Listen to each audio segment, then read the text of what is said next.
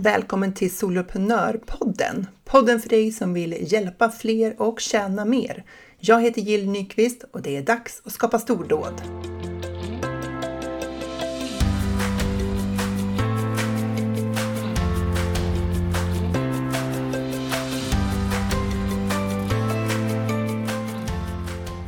Idag har jag med mig Nella Lisserov som är business coach på sitt företag Freelance Spirit och vi ska prata om något som är väldigt spännande och det är det här med att skapa bra erbjudanden.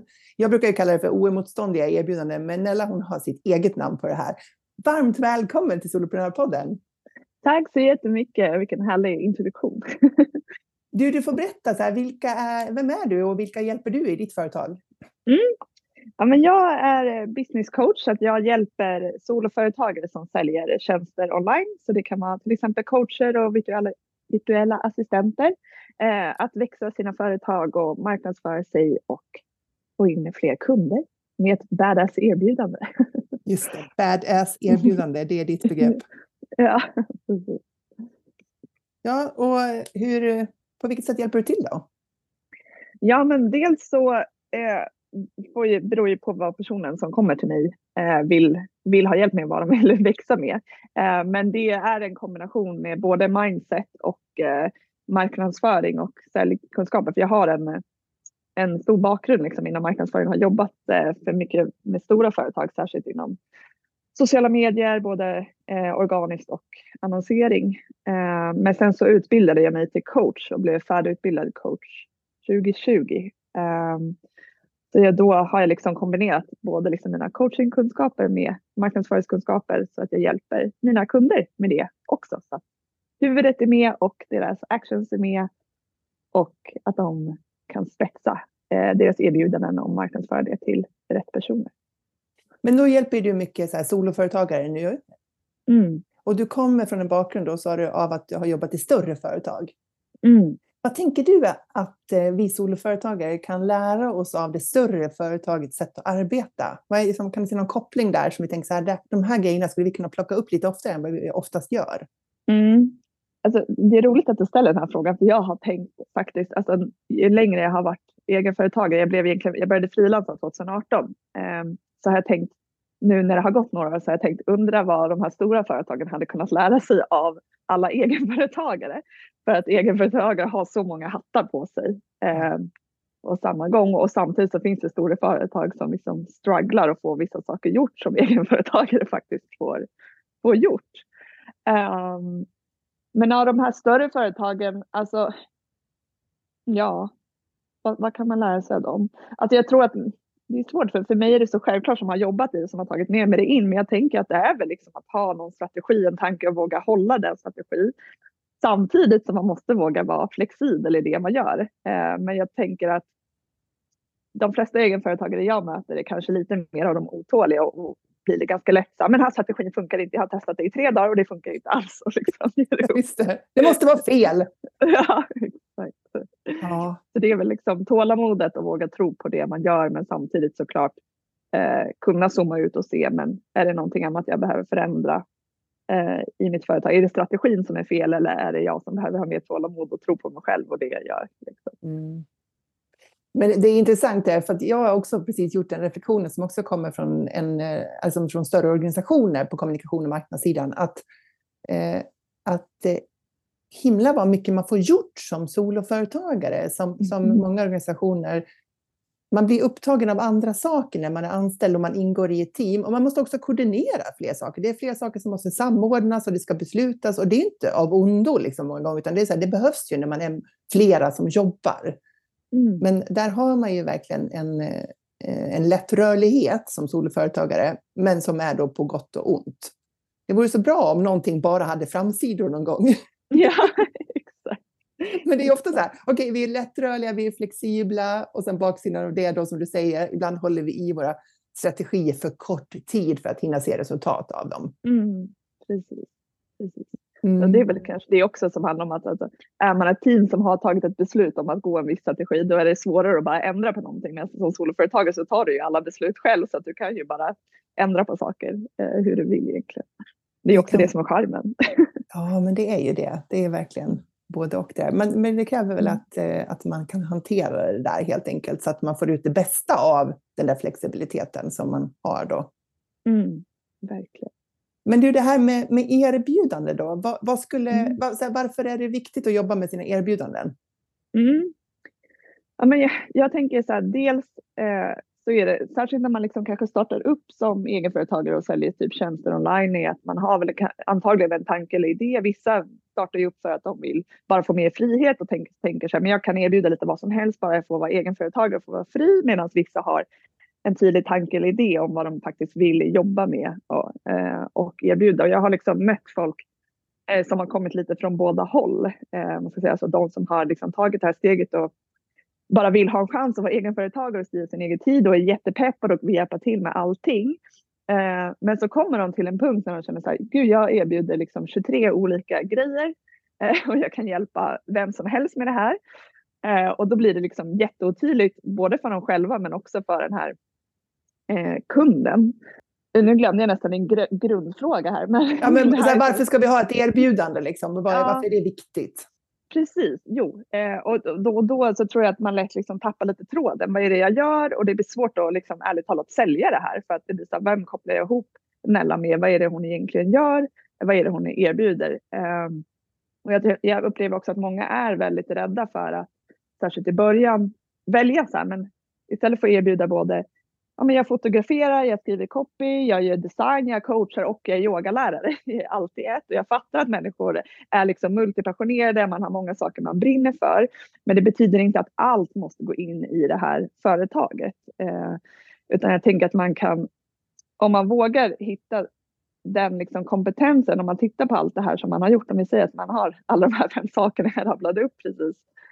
Eh, om man tittar på så här, men vad har jag själv tyckt har varit roligast och vad har jag sett att mina kunder har fått bäst resultat eh, när jag har hjälpt dem i det här. Men då kanske jag inser så här, men det är eh, copywriting, även om jag älskar yoga och jag tycker att det är jättekul att fota, men jag, jag älskar verkligen copywriting. Det är någonting jag kan nörda ner mig i och jag har märkt att mina kunder får bli supernöjda när jag hjälper dem med det här. Ja, men det är kanske är där jag ska börja. Så att eh, man börjar erbjuda någonting inom det. Och sen så brukar jag se det som att att det är liksom en stepping stone. Man kanske blir känd för en sak eller vad man ska Mm. kalla det. Eh, Mm. och då har man möjlighet att grena ut sig. Eh, och då kan man lägga till fler eh, erbjudanden eller bygga på eller förändra mer. Eh, jag tycker att det, det är en bra start. Ja, just det. Och va, va, varför tror du att det, att det är liksom utmaningar med att göra det valet då för, för oss företagare? Men jag tror just att det är det här, alltså man vill ju inte vara fast. Man vill ju göra flera saker. Eh, och jag tror att det handlar mer om synen på att göra ett val. Att det handlar fortfarande inte om att du signerar ett kontrakt och sagt att nu ska jag erbjuda copywriting i 20 år framåt. Liksom. Utan jag tänker att, att det är det, att man är, så här, man är rädd att göra ett val för då tänker man då utesluter jag andra. Medan jag försöker se det som att om jag bara gör ett val nu så öppnar det upp massa fler möjligheter framåt. Eh, Precis, så man är rädd att det ska begränsas liksom, sig eh, i någon aspekt eh, om man gör ett val. ja, exakt. exakt. Vad, vad skulle du säga att ett, ett erbjudande är för någonting då? Vad består det av? Mm. Ja, men jag tänker att det är eh, en paketering som, som folk förstår så här, hur man ska jobba. Alltså dels både, eh, när vi pratar liksom online-tjänster så är det så här, eh, men hur, men till exempel om man ska ta mm, en kurs eller ett program eller ett coachingprogram eller eh, att man kanske vill sälja eh, jag vill hjälpa folk med sociala medier eller skriva nyhetsbrev. Det är så här, men okej, eh, vad, vad, in, vad innebär det här för kunden? Alltså vad kommer de lära sig eller vad kommer de få hjälp av? Finns det någon liksom, tidsaspekt på det här? Eh, finns det liksom antal gånger eller material? Eh, alltså vad är det som ingår? Det finns ju, beroende på vad det är du vill erbjuda såklart så ingår det olika liksom, variabler. Mm. Men om jag ska liksom komma på något exempel då. Ja, men vi säger att du, du älskar att eh, skriva och vill hjälpa, kanske hjälpa någon att, att skriva nyhetsbrev som inte alls tycker om att skriva. Ja, men så här, hur, kan, hur kan du göra det här så lätt för den kunden som, möjligt som inte tycker om att skriva nyhetsbrev? Eh, men också för dig själv som ska erbjuda det här. Mm. Eh, vad skulle liksom, vad skulle benefita, nu tappar jag ordet på svenska. Eh, vad skulle de ha nytta av eller vad skulle ja, de ha för nytta precis. av? Ja, ja, exakt. Vad ska den här kunden som, som hatar att skriva nyhetsbrev men vet att det är jättebra eh, och nödvändigt för den här personen. Eh, men då säger vi så här, men eh, jag, jag, vill hjälpa, jag vill hjälpa människor att skriva nyhetsbrev och jag tror att de behöver, vi säger, eh, två nyhetsbrev i månaden. Och så att jag kan paketera det och säga så här, men jag hjälper dig skriva två nyhetsbrev i månaden.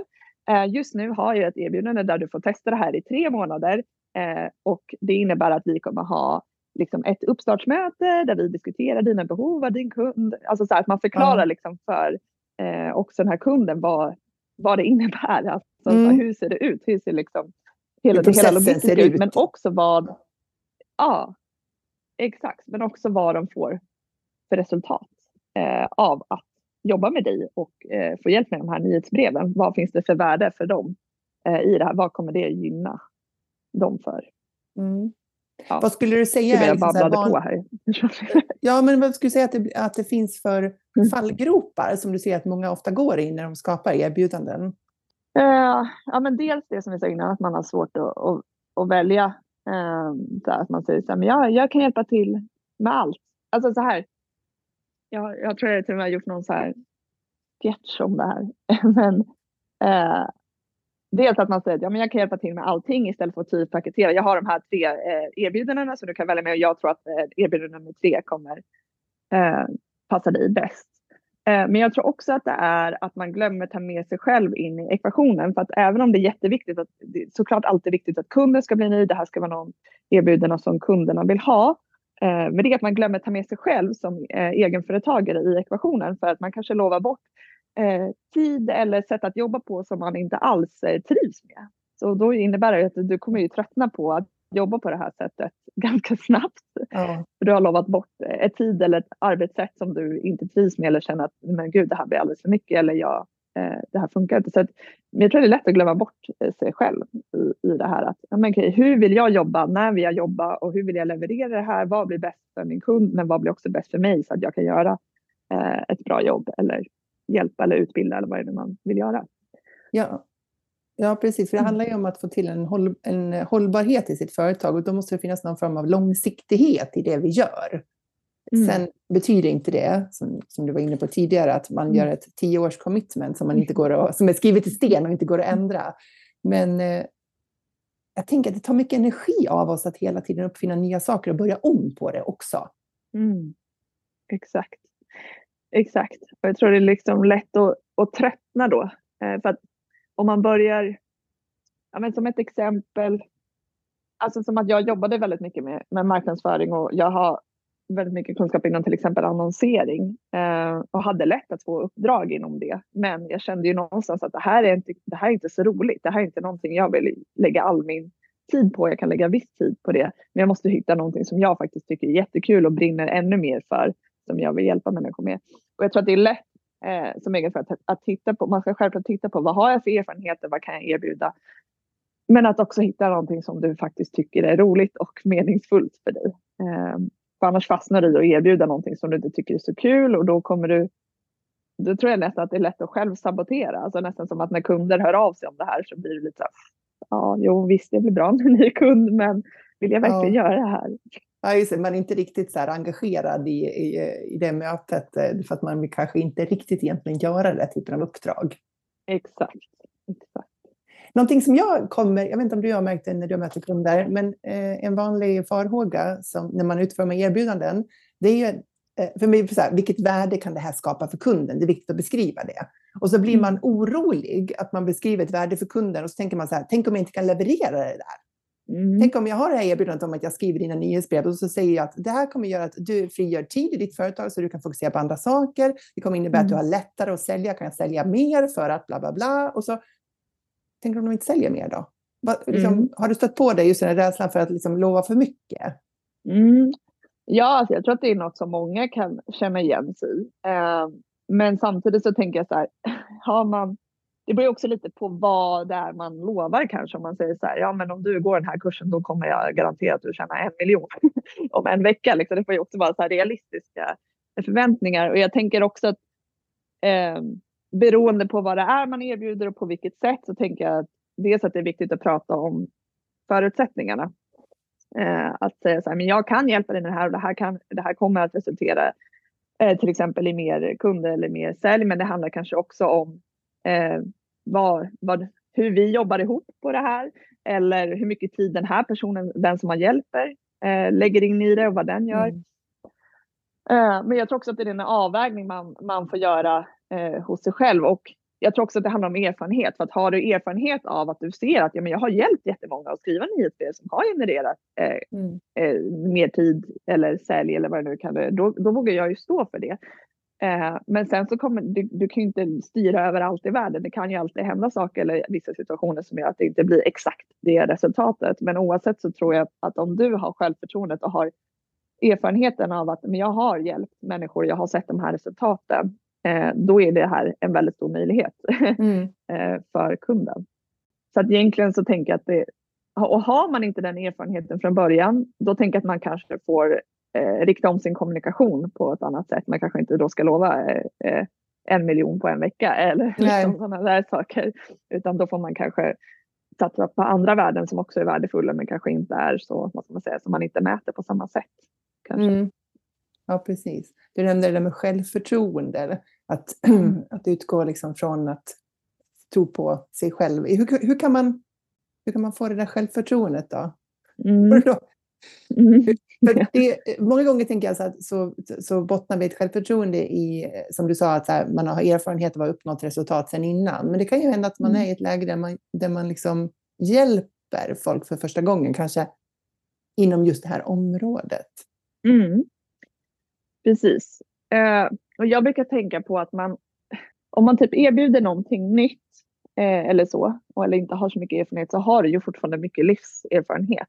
Eh, och andra saker i livet som du har upplevt som du kan hitta styrkor i. Alltså, jag brukar ta exempel, men du kanske spelade fotboll när du var yngre så du var en jättebra teamplayer. Mm. Eh, eller du var hästtjej och lärde dig ta ansvar tidigt så att du, och du är en väldigt ansvarsfull eh, person. Alltså att man kan hitta andra saker i livet eller om man har gått igenom någonting tufft i livet, alltså så här som man har tagit sig igenom eh, där man har hittat styrkan eller när man har gjort någonting som man var skiträdd för eller jättenervös för men ändå gjorde och klarade av det. Jag tänker att det finns så många andra delar av livet som också man behöver titta på för det är lätt att titta på sen men jag har inte jag vet inte, jag har inte erfarenhet av att fota exakt på bröllop eh, men jag har Nej, fotat någonting ja. annat. Men liksom, Eh, och titta på andra saker i livet som faktiskt kan spela in. För det, det är lätt att man, man får lite så här tunnelseende och bara tänker så här, det här har jag jobbat med, men så här, vad har du för erfarenheter? Vad har du kanske hjälpt eller varit intresserad Du kanske har suttit och nördat och kollat på Youtube inom någonting under jättelång tid eh, på din fritid. Det finns det någonting mm. där som, som går att använda. Mm, eh, det är, men ja. Ja, men det tycker jag är jättespännande för att jag tror, precis som du säger, att det är väldigt lätt att att eh, glömma bort alla de där sakerna och inte liksom riktigt sätta värde på det, för det känns inte som att det är inom situationstecken på riktigt. Mm. Eh, så att där, där kanske man behöver ge lite hjälp med att få syn på de där. För att min egen erfarenhet av det där, det var att när jag slutade som, och varit anställd som chef under många år och så skulle jag börja jobba som egen. För det första så, mitt erbjudande var ju att berätta allt jag kunde. Det funkade mm. inte. för jag tänkte så här, ja men det här kan jag göra, då får kunden själv översätta vad de kan ha för nytta av min kompetens. Mm. Oerhört korkat utgångsläge. Liksom. För det, det, är så här, det är ingen som översätter det, man måste ju berätta vad de kan ha för... Ja, så, här. så att jag började helt fel i det. Och sen, mitt andra det var ju att jag insåg att på något vis borde jag rimligen ha, er, ha kunnat dra nytta av de erfarenheter jag gjort hittills. Men det var skitsvårt att sätta fingret på det där. Alltså att mm. formulera det, att göra den där, liksom så här, okej okay, jag har den här erfarenheten av att jobba som chef, jag har jobbat med verksamhetsutveckling, jag har jobbat med kommunikation och alla de här grejerna så här. Och nu ska jag mm. jobba i eget företag. Och det var inte lätt att bara automatiskt förstå vad det betydde i mitt egenföretagande. Jag har tagit mm. mig lite tid att inse potentialen i mitt tidigare liv, om man säger. Mm. Verkligen. Ja, och det är det ju. För jag tror att vi är inte vana att tänka riktigt i de banorna kanske heller. Alltså som du säger, man har gått från att ha jobbat med liksom andra företag och så och går till att eh, bli egenföretagare och man ska börja titta på precis här, hur översätter vi? Vi kanske är vana att skriva CV, precis som du säger. Man berättar att den här erfarenheten har jag och så, ja. så är det någon som väljer ut den och säger jättebra att du har den erfarenheten. Men det är väl antagligen rekryterare som förstår att, att men men kunder är ju inte rekryterare utan de vill ju bara att du ska lösa deras problem egentligen. Exakt. Och vill ju veta vilka problem du kan lösa. Ja, eh. så det gäller liksom att, att, vända lite på det där. Ja. Men jag tänker skicka med de som lyssnar att om, det, om man inte direkt kan se den kopplingen så betyder inte det att den inte finns där. Det betyder bara Nej. att du kanske måste göra lite mer tankearbete för att hitta den.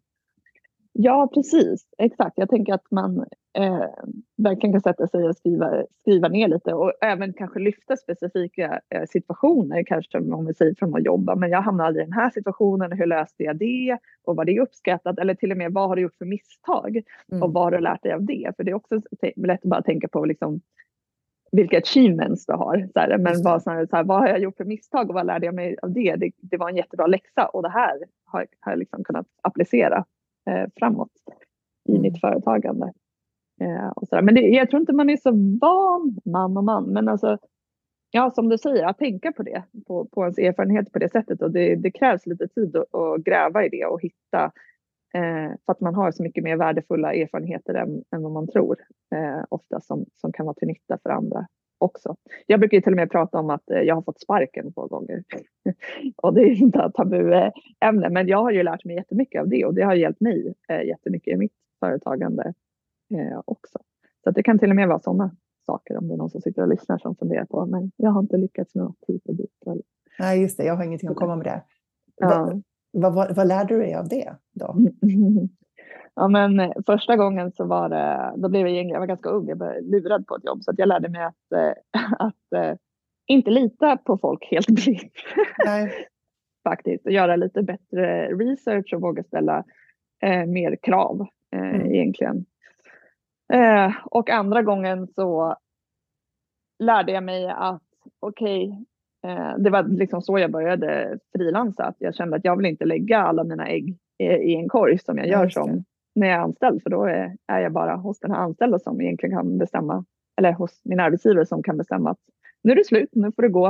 Eh, mm. Medan när jag då började frilansa så lärde jag mig att eh, söka, hitta kunder och uppdrag, eh, vilket gjorde att jag får ju inte panik. Alltså jag tänker när det var eh, en pandemi så blev ju många tyvärr av med jobbet och de kanske hade jobbat på samma jobb i jättemånga år, hade ingen erfarenhet av att söka nytt jobb eller om de skulle starta eget och frilansa. Alltså så att, eh, som egenföretagare är du ju van vid att alltid ha ägg i flera korgar och inte i samma.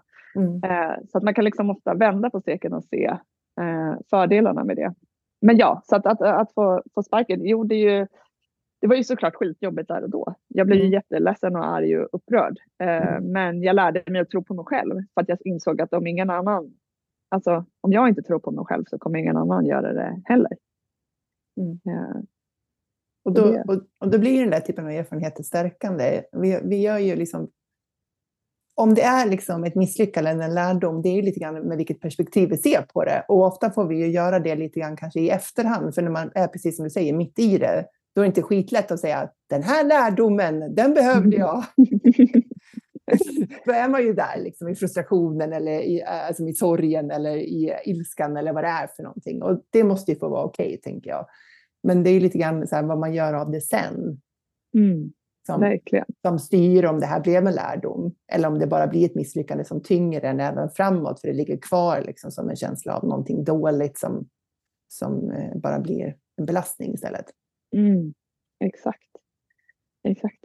Jag tror det är jätteviktigt att kunna vända sådana situationer till vad har jag lärt mig av det här och vad kan jag göra eh, av det här. Och idag så ser jag ju eh, den gången, senaste gången då jag fick gå från ett jobb som en blessing. För att jag hade kanske aldrig tagit eh, steget att vara egenföretagare idag annars. Utan då var det så här, nej nu har jag fått nog, nu gör jag det här på mitt sätt. Liksom. Ja, så nu kan jag liksom vara tacksam för den ja. Eh, erfarenheten, även om det inte var roligt då. Just det, även om det inte var så kul. Mm. Eh, va, du har ju det erbjudande som du sa precis inledningsvis här, badass-erbjudande. Om du skulle liksom mm. så här, sammanfatta vad du tycker eh, så här, utgör ett badass-erbjudande, vad är det då? Mm. Men jag tror att det är alltså ett erbjudande där du är med i ekvationen eh, och att du erbjuder någonting som är länkad till något större, till något syfte, alltså till någonting som du som du verkligen tycker är roligt och som du ser att hjälper dina kunder Eh, och jag tänker att det är någonting som liksom, där du sätter dina egna spelregler, alltså lite det vi pratade om. Att, eh, hur vill jag jobba? På vilket sätt blir det bra för både mig och kunden eh, att jobba på det här sättet? Alltså, och att jag tänker också att ett badass erbjudande som jag har pratat om när jag haft ett gruppprogram med det här är att, att våga ta fram den här idén. För att många sitter ofta på en hemlig idé eh, om vad de egentligen skulle vilja göra och erbjuda men inte riktigt vågar. Aha. Men när du väl vågar locka fram den där hemliga idén, eh, då är det ett badass erbjudande. För där är det någonting. Det är något som pirrar lite. Man tänker så här, det här är någonting jag skulle vilja erbjuda någon gång. Jag vet inte, ja, jag kanske, ja, nej, jag vet inte. Eh, och så brukar man liksom locka fram det där och så blir det liksom superspännande och, och eh, jättekul.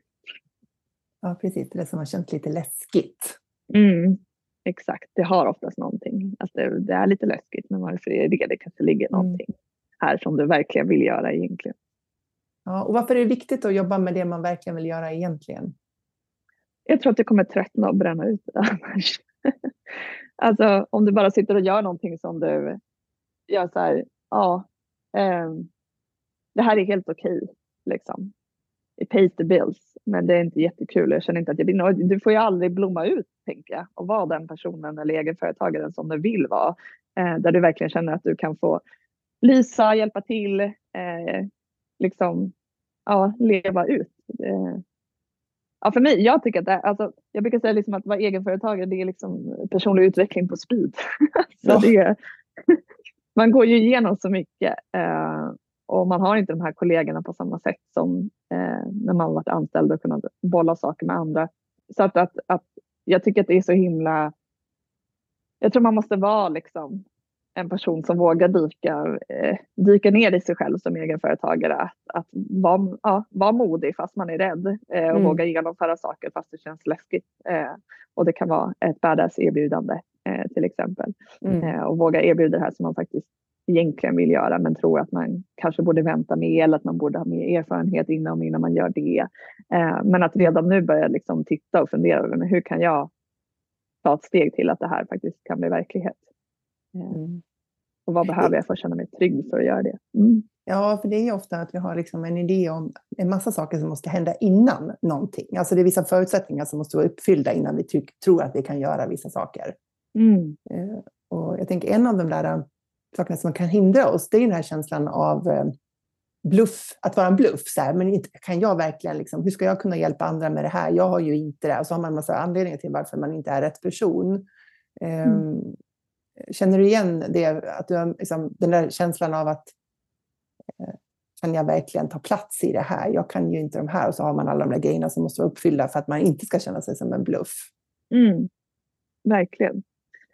Verkligen, ja, ja, det är ju jättevanligt. Jag tror att de flesta lider av det i, eh, i perioder i sitt ja. liv, liksom, oavsett vad det handlar om. Men jag tänker att Alltså jag, brukar, jag har gjort den övningen ibland eh, och tipsat andra om att göra det. Men det är faktiskt också att sätta sig Eh, och skriva ner typ varför eh, man till exempel är, är, är rätt person att erbjuda det här eller varför mm. man är värd att göra det här.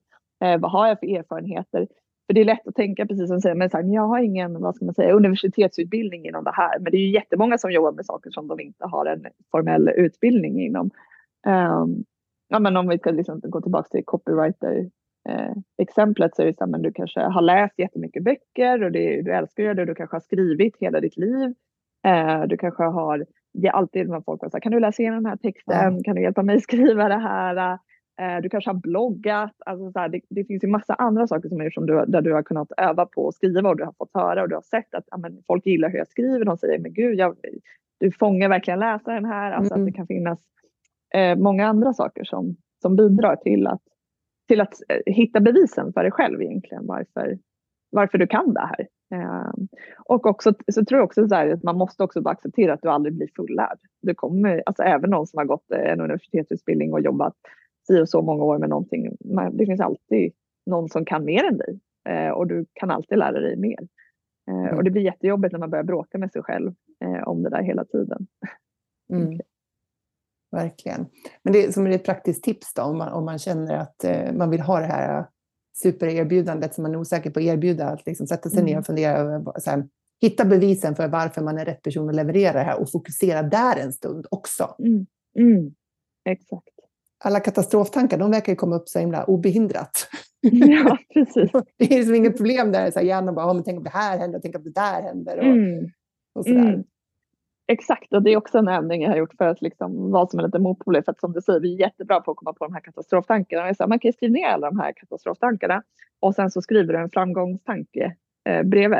Det är Mm. här, men, men tänk om kunden blir missnöjd. Tänk om kunden blir supernöjd och vill anlita mig igen. Mm. Det är också ett perspektiv, för det är så Ja. lätt att fastna i det här. Liksom.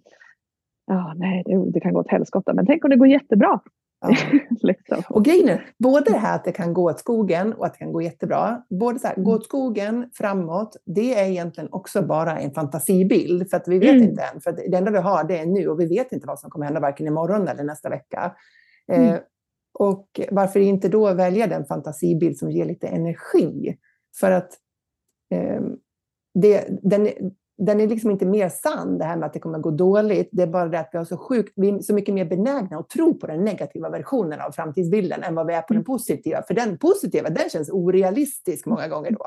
Medan den negativa, den känns fullt rimlig att den kommer hända. Ja, exakt, exakt. Man får liksom balansera ut det där. Så sanningen kanske ligger någonstans i mitten. Ja, men verkligen. mm, Eh, Sådär. Och jag- liksom, det där har ju med ens personliga utveckling att göra och det är som du säger, när man driver företag så finns det ju... Vi har en del att göra där för att vi blir väldigt eh, exponerade för diverse utmaningar på många olika nivåer. Och det är liksom inget fel i det, inget har gått fel för att man, allt det här kommer upp inom en, men man, man behöver ju hantera det så att det inte blir så tungt. Liksom. mm. Verkligen, och våga prata med andra om det också. Jag tänker våga prata med andra egenföretagare, för jag tror att det är lättare att, att gå runt och tro att alla andra egenföretagare är så lyckliga och det går så bra för alla hela tiden. För det är ingen som påstår att nej, det går åt helvete nu. Nej, Liksom. precis. Jag är livrädd. Ja, här, jag, gjorde en, jag gjorde en lansering och sålde skitdåligt. Ja, exakt. Eh, och sen så blir det apropå sånt också att även om någonting, om man har gjort någonting, kanske gått ut med ett erbjudande till exempel som då inte har gått så bra inom kaninöron för att man kanske hade andra förväntningar. Det är Mm. så här att Gud vilken bra, jag brukar tänka så här om, om, man, har, om man är orolig för något sånt och, och jag tänker så här, ja, men om det här inte skulle så, sälja så bra som jag tror då. Gud vilken bra lärdom, det här är en historia jag kommer kunna berätta i framtiden när, när jag säljer andra saker eller någonting som går jättebra att kunna berätta. Men jag vet att jag gjorde den här grejen och det gick inte så bra men titta nu är jag ändå här. Så jag brukar tänka som att det här kommer ändå vara en viktig del i min story som jag kommer kunna dela till andra eh, Ja. framöver. Eh, och påminna mig själv om också. Såklart. Mm. Fast det utgår ju ändå från att det, det är okej att inte allting går lika bra. För att Mm. det, det, har man utgångspunkten att man måste lyckas i allt, annars, annars om man misslyckas i någon del så innebär det att allt jag gör är dåligt eller att jag inte är, har vad som krävs för att lösa det här. Då Mm. kommer man vilja skydda de där äh, misslyckandena och gömma undan dem och då blir de ju aldrig de här uppbyggliga storiesarna. Mm. För, för man, kommer aldrig, liksom, man kommer aldrig lämna dem eller stoppa, ta fram dem i ljuset för att man skäms eller för att man eh, på något vis tycker att det där, det där pratar man inte om. Mm. Så, att, så att det är ju verkligen liksom att, att eh, ha utgångspunkten att det är det här kontinuerliga lärandet, att vi, vi, vi gör erfarenheter och att vi lär oss efter vägen och sådär. Det måste ju vara en utgångspunkt, för annars så kommer man inte vilja använda de där storiesarna. Ja, verkligen. Verkligen. Och så tror jag att det är lätt också alltså, att tänka så, men om, om, om, vi till exempel tittar på en lansering, då, att man har lanserat något, jag vet inte vad det kan man säga, en e- e-bok eller någonting som man trodde skulle sälja till flera hundra och så var det tre som köpte den. Liksom. Eh, alltså jag tror det är lätt att bli, glömma bort att så här, var sjukt glad för att de här tre personerna faktiskt köpte det istället för att nej, det var inte 50 pers eller 100 pers som köpte Nej. På en gång. Men det var tre personer som köpte den och det är ju fantastiskt. Och liksom vara tacksam för det eh, också. Mm. För att jag tror att det är så lätt att man sätter upp liksom siffror och säljmål och det är ju fantastiskt och självklart ska alla tjäna pengar och uppleva allt de vill. Eh, men jag tror att det, det är lätt att bli liksom om man inte, om inte är nöjd med det man redan har lyckats så blir det liksom väldigt svårt för att då kommer det alltid vara en kamp med dig själv att du inte duger eller att du inte har Mm. gjort någonting tillräckligt bra. Eh, utan var superglad över att de här tre personerna köpte det här boken eller erbjudandet eller vad gör det bästa för att de ska vara nöjda så kommer det liksom ge ringa på vattnet. Mm. verkligen. Det är så lätt det där med att sätta upp en siffra och så når man inte den så kan man vara missnöjd med hela insatsen. Mm. Jag tycker till och med att man kan vara nöjd med sin insats, även om det inte alls ger resultatet. För man ser att så här, jag hade en plan, jag utförde planen, jag utförde den väl. Sen blev inte resultatet det som jag önskade, men jag gjorde fortfarande ett bra jobb under den här perioden där jag gjorde jobbet. Mm.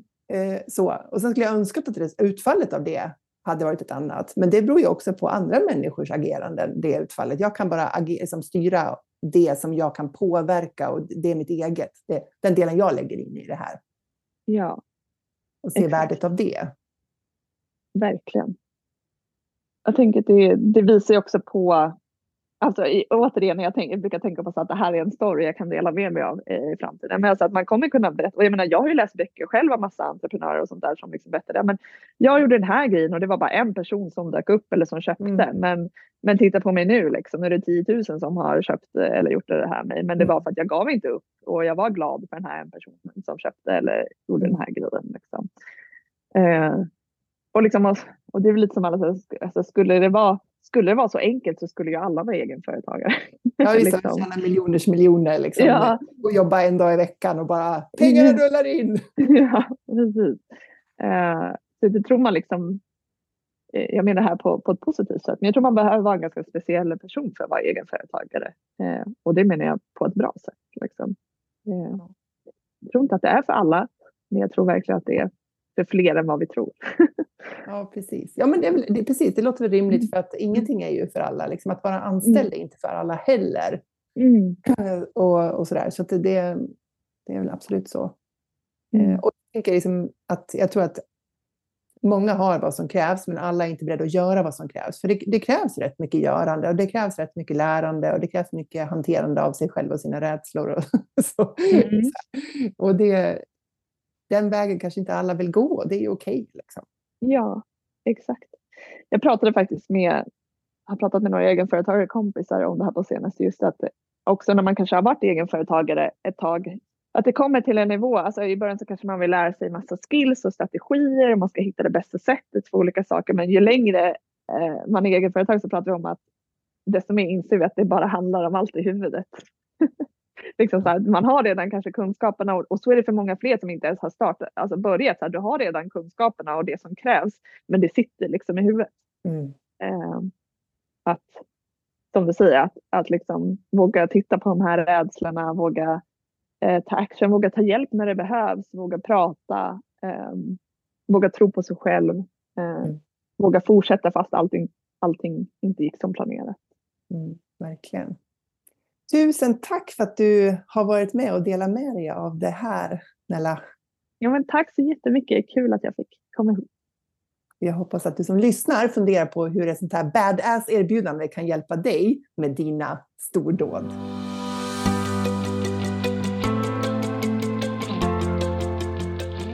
Stort tack för att du lyssnar på Soloprenörpodden. Jag är så glad att ha dig här. Du får jättegärna lämna mig en review på iTunes och ratea podden. Ge den fem stjärnor om du tycker att den är värd det, så hjälper du mig att sprida den till fler. Eller varför inte ta en skärmdump på det här avsnittet och tagga mig på en story på Instagram, solopreneur.nu.